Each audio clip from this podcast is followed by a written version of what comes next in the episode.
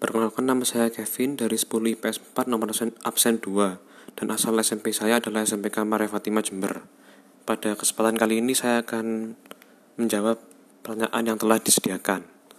Jawaban saya adalah musik tradisi yang diturunkan dari satu generasi ke generasi selanjutnya akan terus mengakar dalam budaya suatu daerah karena musik tradisi biasanya akan sering dinyanyikan oleh warga suatu daerah secara turun-temurun dan karena saking lamanya musik tersebut ada, maka musik tersebut akhirnya jadikan sebagai identitas suatu daerah. Terima kasih.